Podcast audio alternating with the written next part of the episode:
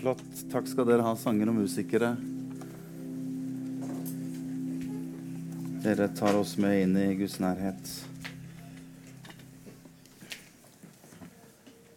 Fint å se dere. Ja, det var jo en fantastisk respons. altså Jeg var på, kanten til å bare tenke at dette gidder jeg ikke. altså. Dette Ett steg og grensen. Det er fint å se dere. Ja, takk for det. Og jeg må jo bare også jeg få lov til å si gratulerer med dagen til alle dere som er eh, mammaer. Eh, min mor er ikke å se her. Hun kommer kanskje på, på, neste gudstjeneste. Men det er bra å kunne få lov til å si gratulerer med dagen. Og dere, dere gjør og har gjort en fantastisk jobb. Jeg, eh, jeg har litt lyst til å bare, jeg fant noen sånne litt sånne morsomme utsagn rundt det som har med mammaer å gjøre, eller mødre. Så det, du, må få, du, må få, med deg disse her. For det, det er noen, noen, som heter uh, 'Gullkorn fra barnemunn'. Og, uh, og, der er det altså er det kommet noen nye som jeg syns var litt sånn morsomme. Så følg med på disse her. Her er det en, en, en, Jan Rune på seks år som skriver at, at det som er viktig for mødre, det er at de får barn. Hvis de tilfeldigvis er så uheldige å ikke få barn, må de være alenemødre hele livet.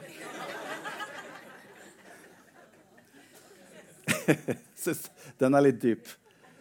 Og så var det en, på, en Tor på seks år som skriver det at pappa sier at mamma er bevisstløs når hun kjøper klær. Ok, Kanskje noen uh, kjenner seg igjen i det. For å få, er Erik på åtte år. For å få kjærligheten til å vare så er det viktig å være en god kysser. Da kan det hende at kona di glemmer at du aldri tar ut søpla. Så jeg vil bare si til mamma ikke gå på den, altså. Vær litt forsiktig med den der. Den, eh, ja. Moren min sier at jeg går henne på nervene, enda jeg står helt stille. Og så er det en, en som heter Sigurd her, som sier at å være engel er et typisk kvinneyrke. Ja. Sånn er det. Vi skal gå inn i Skriften. Jeg takker deg, Herre, for at du har noe som du ønsker å dele med oss i dag, Herre. Takker deg for ditt ord. Takk for at du er her, Jesus. Og takk for at du har fylt dette stedet allerede med din nærhet. Og vi ønsker bare deg velkommen iblant oss. Du er hedersgjesten, Jesus. Det er deg vi ønsker å samle oss rundt. Du er den som vi ønsker å tilbe både her og i søndagsskole. alt vi gjør, Så er det du som er hedersgjesten. Du er hedersgjesten i mitt liv, Herre. Du er den som er hedersgjesten i min familie, Herre. Og vi ønsker å bare krone deg som konge overalt hvor vi er, og i alt hva vi gjør, Herre. Takk for de minuttene her i sammen. Takk for at du velsigner oss. I Jesu navn. Amen. Kan ikke jeg få den plastikkposen der, Anette? Tusen takk skal du ha. Moren til ungene mine. Eh, det er to historier i, eh, i Bibelen som eh, omhandler Jeg vet ikke om dere har sett logoen eller bildet for, eh, for gudstjenesten i dag. Men, eh, men, eh, jeg har hatt et bilde av en, en kvinne med en alabasterkrukke. Og Jeg hadde lyst til å bare dele noe ut fra de to historiene som vi finner i Nyttestamentet, med to forskjellige kvinner som kommer til Jesus og har med seg en alabasterkrukke. Og litt hva som skjer i disse to historiene, har jeg lyst til å dele litt med dere i dag. Du kan finne disse historiene i alle evangeliene, men vi skal ta utgangspunkt i det som står i Johannes sitt evangelium. Og han skriver fra kapittel 12 og fra vers 1. Der skal vi lese noen ting fram til vers 11. Så bli med meg på det som står. Der står det at seks dager før påske så kom Jesus til Betania, der Lasarus bodde. Han som Jesus hadde vekket opp ifra de døde. Der ble det holdt et festmåltid for han. Og Martha vartet opp, og Lasarus var blant dem som lå til bords sammen med han. Da kom Maria med et pund ekte, kostbar nardussalve, og med den salvet hun Jesus' føtter og tørket dem med håret sitt. Hele huset ble fylt av duften. Da sa Judas Iskariot, en av disiplene, han som siden forrådte han, hvorfor ble ikke denne salven solgt for 300 denarer og pengene gitt til de fattige? Dette sa han ikke fordi han hadde omsorg for de fattige, men fordi han var en tyv. Det var han som hadde pengekassen, og han pleide å ta av det som ble lagt i den. Men Jesus sa, 'La henne være. Hun har spart salven til den dagen jeg skal begraves. Fattige har, de fattige har dere alltid hos dere, men meg har dere ikke alltid. Det ble kjent i den store mengden av jøder at Jesus var i Betania. Og nå kom de dit, ikke bare for hans skyld, men også for å se Lasarus, som han hadde vekket opp ifra de døde. Da la overprestene planer om å drepe Lasarus også. For mange av jødene dro dit pga. han og kom til tro på Jesus. Dette her synes jeg er et stykke fascinerende skriftsted fra vers 1 til vers 11. Eh, dette kommer jo ut fra kapittel 11. Vi har lest nå fra kapittel 12. Dette kommer ut fra kapittel 11 når vi leser om hvordan Jesus faktisk vekker opp Lasarus ifra de døde. Som mye mulig er det siste store under som Jesus gjør før han blir korsfestet. Det går nok en liten periode fra kapittel 11, når Jesus på en måte vekker Lasarus opp fra de døde, til vi kommer hit. For her står det i kapittel 12 at nå er det seks dager til påskehøytiden. Så det går en liten periode der, men det skal ikke komme inn nå. Men det er fascinerende å se hva som skjer i kapittel 11 i Johannes. Og hvordan Jesus gjør dette utrolige underet. Og dette setter på en måte litt scenen for hva som skjer her i kapittel 12. Og jeg syns det er fascinerende å lese disse versene her og se litt hva skal si, den, den gjengen på en måte som ligger rundt bordet med Jesus og spiser her. Det er litt fascinerende. For dette her er ikke hjemme i Lasarus sitt hus. Det er i Betania, der Lasarus bor. Og jeg tror Lasarus må være den mest kjente personen fra Betania opp gjennom alle tider. Det er han som Jesus reiste opp fra de døde. Men den var ikke i, i Lasarus sitt hus. Og hvis du leser i Matteus sitt evangelium, så sier de at dette skjedde hjemme hos Simon. Som også ligger rundt bordet her sammen og spiser sammen med Jesus. På den tiden var det jo, Man satt jo ikke rundt bordet, man la, lå rundt bordene og spiste sammen. Og Dette foregår hjemme hos Simon, som kalles for den spedalske.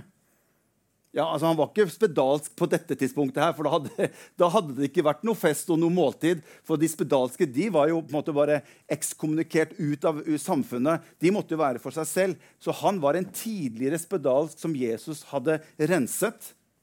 Og, så er han, og Det er derfor jeg synes det er så fascinerende. Så du har altså Her har du altså da en eks-spedalsk.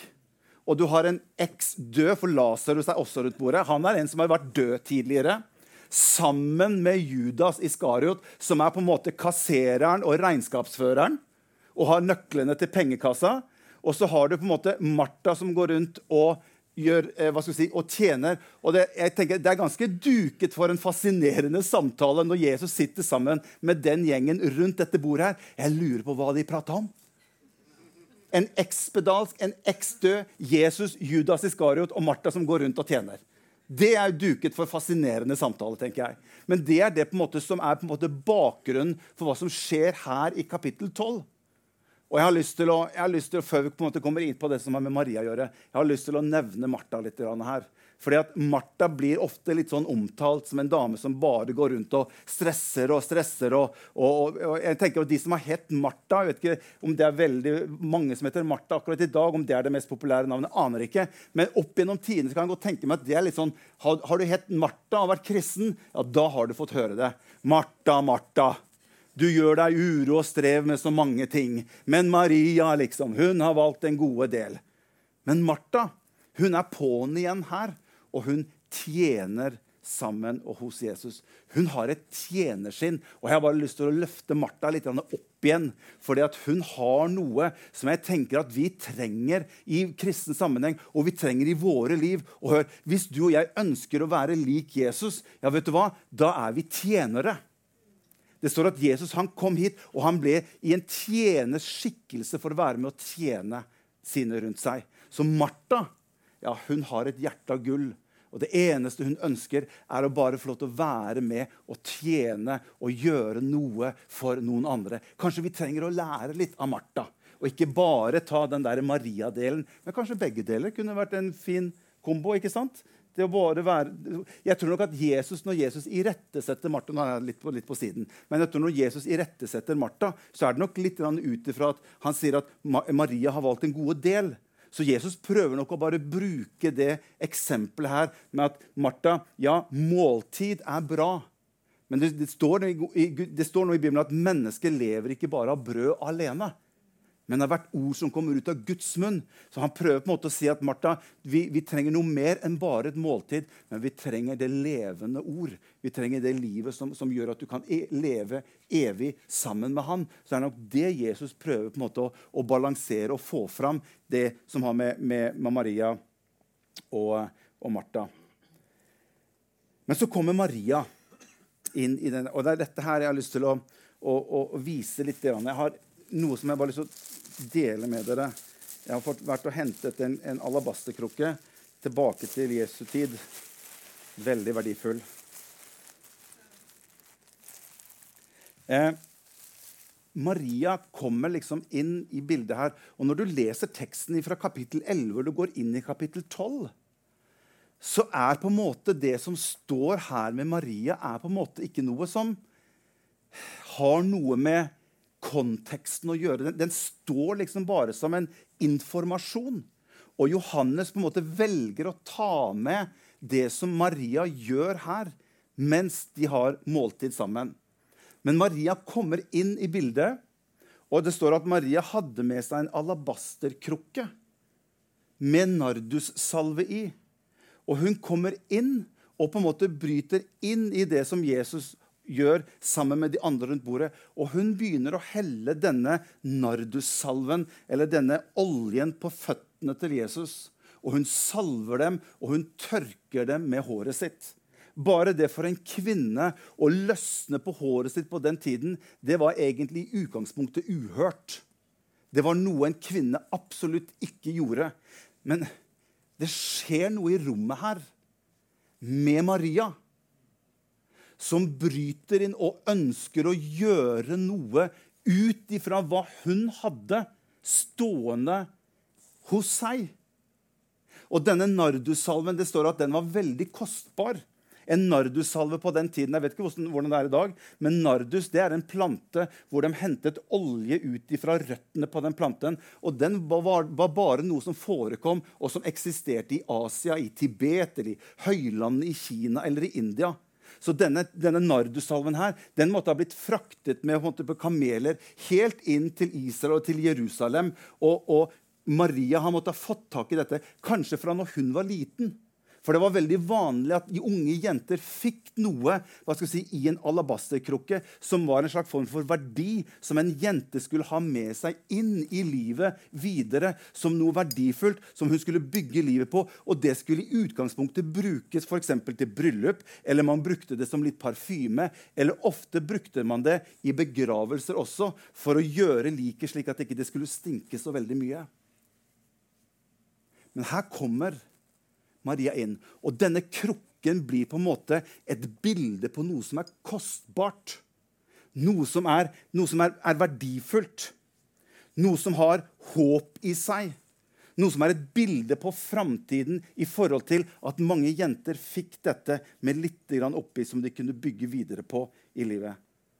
Disse to kvinnene som vi skal se litt nærmere på, begge disse to hadde fortsatt sin alabasterkrukke stående et eller annet sted hjemme på hyllen. Hadde ikke blitt brukt til noe enda. Og det er noe her som jeg syns er litt interessant å se. Hva er det som gjør at Maria nå tenker at jeg kan ikke bare la den alabasterkrukken bli stående som en pyntegjenstand hjemme hos meg.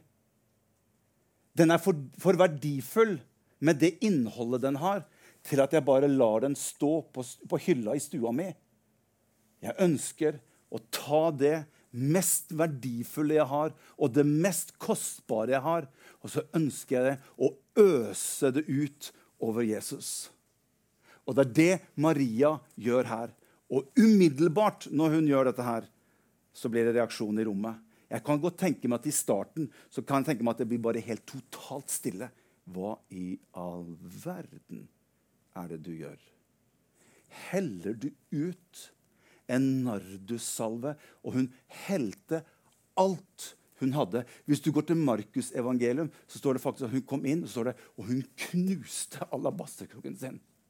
Og helte det ut over Jesus. Det mest verdifulle hun hadde, det mest kostbare Maria kunne komme med, det kommer hun med til Jesus. Og hun ønsker bare å gi Jesus alt som hun har. Og det blir totalt stille. Men regnskapsføreren han greide ikke å dy seg. Hva er det i all verden er det du gjør for noe? Vet du hvor mye det her er verdt? Det er i hvert fall verdt 300 denarer. Og på denne tiden her så var én denar ca. en dagslønn. Har du hørt historien om at vi ble enige om én denar når de gikk ut og hentet arbeidsfolk som skulle komme og arbeide på marken? Én denar var sett på som én arbeidsdag. Så når Maria heller ut dette på Jesus, og på en måte sløser dette på Jesus, så er det ca. en årslønn som Maria kommer med, og heller det ut over Jesus. Og Judas reagerer umiddelbart og så sier han at dette er uhørt å bruke penger. Dette kunne vært solgt og kunne vært gitt til de fattige. Istedenfor så sløser vi det på Jesus. Og da sier Jesus til Judas, Judas, de fattige, de vil dere ha alltid hos dere. Judas, det vil komme mange, mange muligheter for deg til å gjøre noe med de fattige. Så sier han, men meg har dere ikke alltid hos dere. Og jeg tror at denne alabasterkrukken som Maria kommer med her, jeg tror at det er et bilde på at hun ønsket å gi noe av seg selv. For hør, hvem var det som gikk, om ikke mange kapitlene, hvem var det som gikk bort og solgte Jesus for 30 sølvpenger sjøl? Det var Judas, han som reagerte på at Maria brukte så mye penger på Jesus. Han gikk selv bort og solgte Jesus for 30 sølvpenger bare noen kapitler etterpå. Det var det som lå i hans hjerte. Og Derfor så tror jeg at Jesus han ser det som, som, som skjer, og han, han, forsvarer Maria. Jesus han sa ingenting til Maria. Altså, vet du hva, Maria, dette trenger du ikke å gjøre. Maria, ikke gjør det. Bruk det heller på noen andre som trenger det. I ingen av tilfellene så stopper Jesus disse to kvinnene med å komme og gi det kjæreste de hadde, til Jesus. Og jeg tror, når jeg satt og leste dette, så tenkte jeg Kanskje denne alabasterkrukken kan bety noe mer. Kanskje denne alabasterkrukken for deg og meg kan bety både på godt og ondt. Denne alabasterkrukken kan bli et bilde på at vi kan oppleve ting i livet vårt både av positivt og negativt.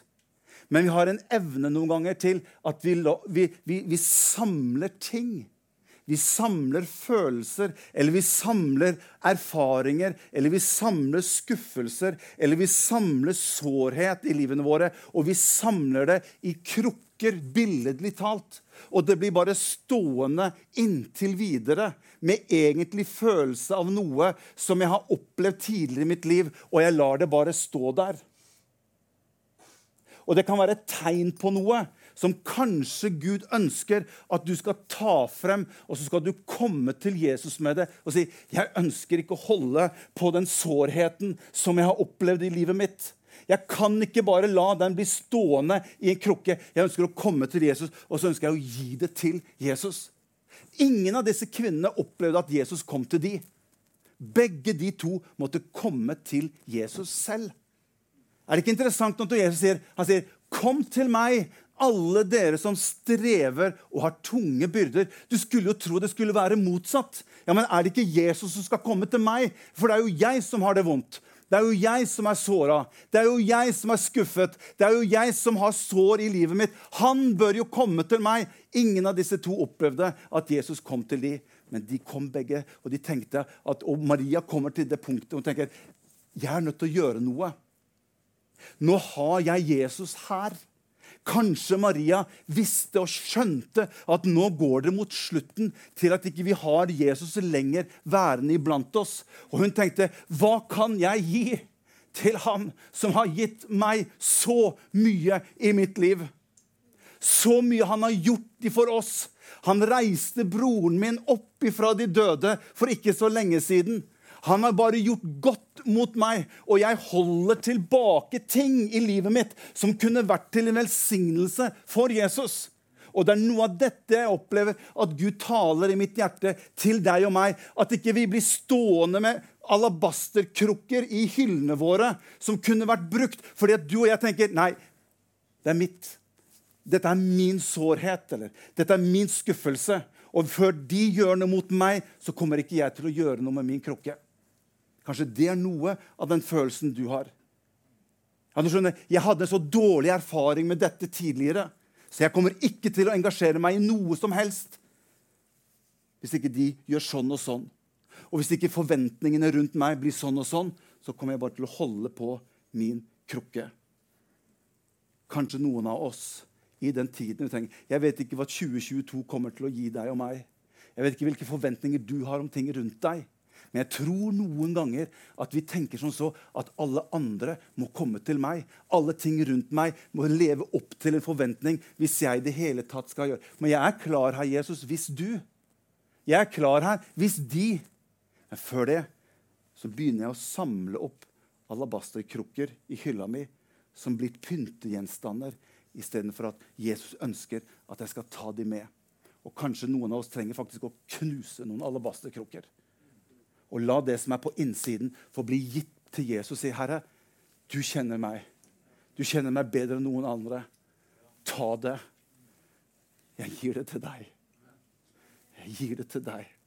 Det er sårt, det er vondt, men jeg kan ikke ha det stående lenger.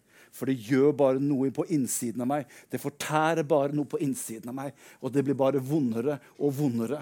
Og jeg begynner å se at når jeg ser meg rundt, så begynner jeg å se at jeg begynner å få flere alabasterkrukkene stående. Jeg har ikke råd til det. Jeg kan ikke det. Og det var dette Maria tenkte. Nå, nå har jeg Jesus her. Han er tett innpå oss. Vi har han her. Hva kan jeg gi til Jesus? Som er av en sånn verdi som kan i det hele tatt, det kan ikke måle seg. Men dette var det mest fantastiske Maria hadde. Og hun henter den alabasterkrukken mens Jesus var her. Og han gikk til Jesus, og hun gikk til Jesus, og hun bare heller alt sammen over Jesus. Og tørker han med sitt hår. En kjærlighetserklæring. Og vet du hva? Ut ifra det så står det Og huset ble fylt av en lukt av en duft. Når du og jeg tar ting til Jesus, så skjer det noe i det rommet. Og det skjer noe i ditt og mitt liv. Det skjer noe i ditt og mitt hjerte når vi er villige til å ta ting til Han, som kanskje koster noen ganger. Hun kom til Jesus, og hun helte alt hun hadde. Hun ga han alt.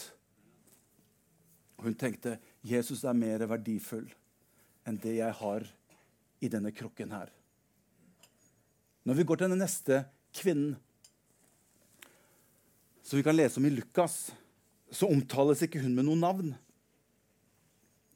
Men hvis vi går til Lukas kapittel 7 og vers 36 skal vi lese Deretter spurte en av fariseerne om Jesus ville spise sammen med ham. Og han gikk til fariseernes hus.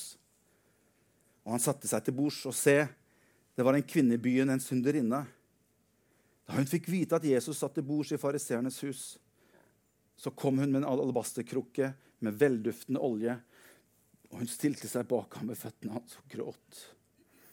Og Så begynte hun å vaske føttene hans med tårene sine og tørket dem med håret sitt. Og hun kysset føttene hans og salvet dem med den velduftende oljen. Hun hadde hørt at Jesus var i byen, denne synderinnen som levde et syndfullt liv.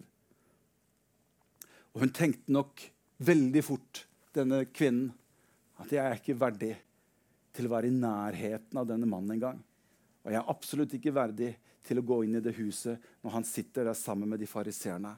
Hadde ikke vært fordi kanskje hun hadde turt. Men likevel så er det noe hos denne kvinnen som gjør at jeg ønsker å vise noe til Jesus. Han er her nå.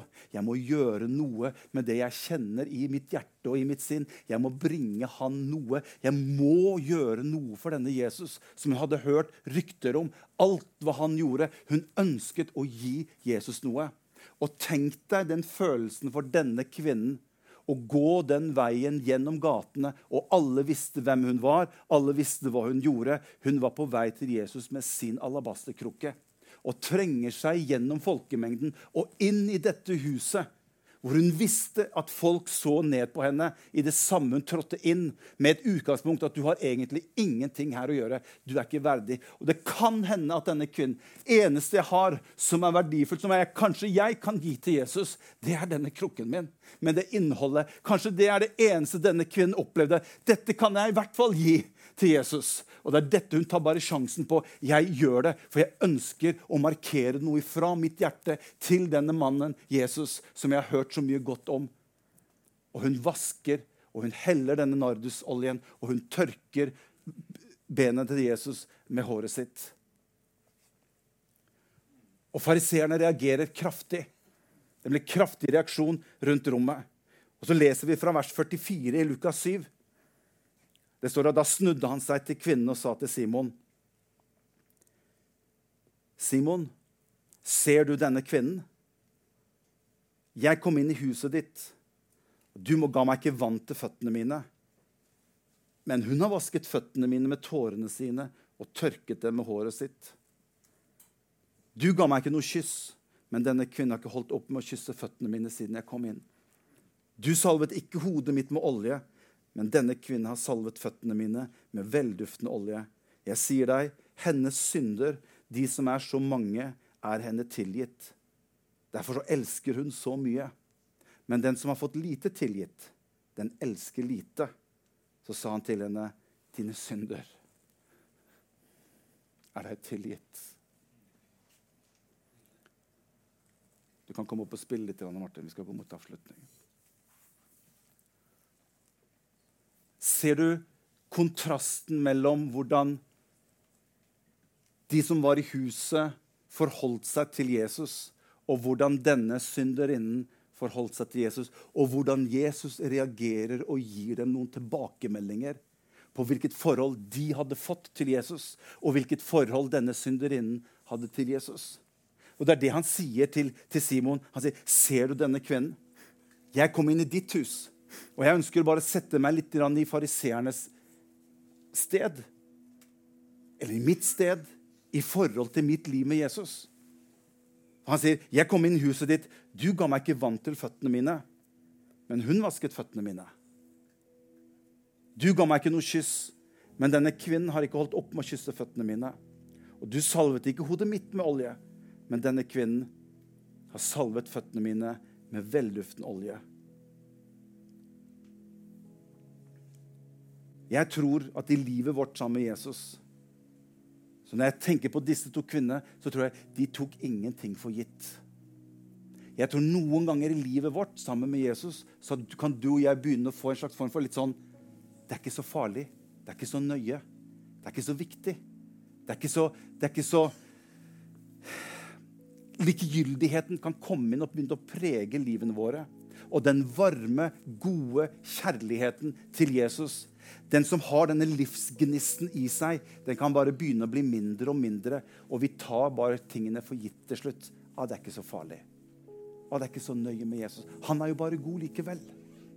Og så blir dette intense kjærlighetsforholdet til Jesus det blir bare mindre og mindre og mindre.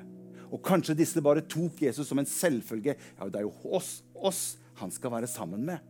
Ja, Vi er jo de verdige til å ha fellesskap med Jesus. De andre de er jo så mye dårligere enn deg og meg. Men Jesus viste dem noe annet. At hvis du og jeg tar likegyldig på forholdet vårt med Jesus, så kan det komme ting inn som skaper noe avstand i vår relasjon sammen med Jesus. Derfor er disse to kvinnene her et fantastisk forbilde på at vi alltid holder dette nær til Jesus. Kjærligheten vår ifra våre hjerter til Jesus. Og la det alltid få lov til å være at vi gir Jesus hele livet vårt. Det beste jeg har, det ønsker jeg å gi til Jesus. Jeg ønsker ikke å holde noe tilbake. Jeg ønsker ikke å ta det og være likegyldig i forhold til Jesus. Jeg vet ikke hvordan du har det. Vi kan reise oss opp alle sammen. Vi skal synge litt også her. Jeg vet ikke hvordan du har det i ditt liv. Men jeg har bare følt at Herren han talte til meg om disse tingene her. Kanskje du trenger å hente fram noen alabasterkrukker i ditt liv som du har stående, og som kanskje Den hellige ånd taler til deg i ditt hjerte og i ditt liv, og kanskje peker på noe. Hvor du trenger å gå faktisk og hente den krukken som du vet så godt er der. Og Den hellige ånd taler til deg og sier det er du som må hente den krukken. Det er du som må ta den selv og gjøre noe med den. Det er du som kanskje trenger å knuse den krukken, slik at det som er på innsiden, enten det er godt eller vondt, kan få lov til å bli gitt over til Jesus. Og la han få lov til å komme inn i situasjonen og gjøre noe nytt med deg og meg i vårt hjerte og i vårt forhold til Jesus. Og Jeg har sagt dette her når jeg var i bønn før dette, denne gudstjenesten. Herre, jeg ønsker bare at hele Pinsekirken skal være en kirke som ikke holder noe tilbake. At vi skal få lov til å ha dette forholdet. At det er, noen, det er en velduft som kommer ut fra denne kirken til deg. At i alt vi holder på med, ifra søndagsskoleledere, ifra life-ledere, ifra sang og musikk, uansett lederskap, uansett, så skal det være som en velduft til Gud, det vi gjør og det vi holder på med. Da må vi holde våre liv nær til Han, slik at denne kjærligheten kan få lov til å være sterk i hjertene våre til Jesus. Halleluja. Kan vi ikke lukke øynene våre, alle sammen? Halleluja. Og Jeg har lyst til å bare spørre hvis det er noen her som opplever at dette treffer meg i mitt liv, mens ingen andre ser på. Så jeg har bare lyst til å si hvis du ønsker at vi skal bare ta med deg i en bønn Nå er vi ikke online eller noen ting. Så det er ingenting som blir filmet eller noen ting. Men hvis du kjenner jeg har noen sånne alabasterkrukker i mitt liv som jeg trenger å gjøre noe med Hvis du kjenner at det treffer deg, kan ikke du bare rekke opp en hånd og ta ned igjen? Så skal jeg be for deg. Vil Gud velsigne deg. Gud velsigne deg. Gud velsigne deg. Gud velsigne deg. Er det flere? Gud velsigne deg. Er det flere her? Gud velsigne deg. Halleluja. Jesus. Jesus. Halleluja. Far, jeg ber deg for hver eneste en. Jeg ber deg for hver eneste en av oss. Jeg ber deg, Herre, om at vi skal ha en relasjon til deg som gjør at vi ikke holder ting tilbake og samler opp. Alabasterkrukker som kan bli stående som pyntegjenstander når det kunne bli brukt til noe som kan få være til velsignelse for deg, Jesus, og for andre mennesker. Jeg ber deg her om at vi hele tiden kan få lov til å legge fram for deg det som er tungt, det som er vanskelig Kanskje noen, vi, trenger å knuse noen alabasterkrukker for å få ut og få vekk de tingene som tynger, og som er vondt, og som er sårt. Jeg ber deg for hver eneste en som er her i dag, Herre. Du gjør et under i menneskers liv.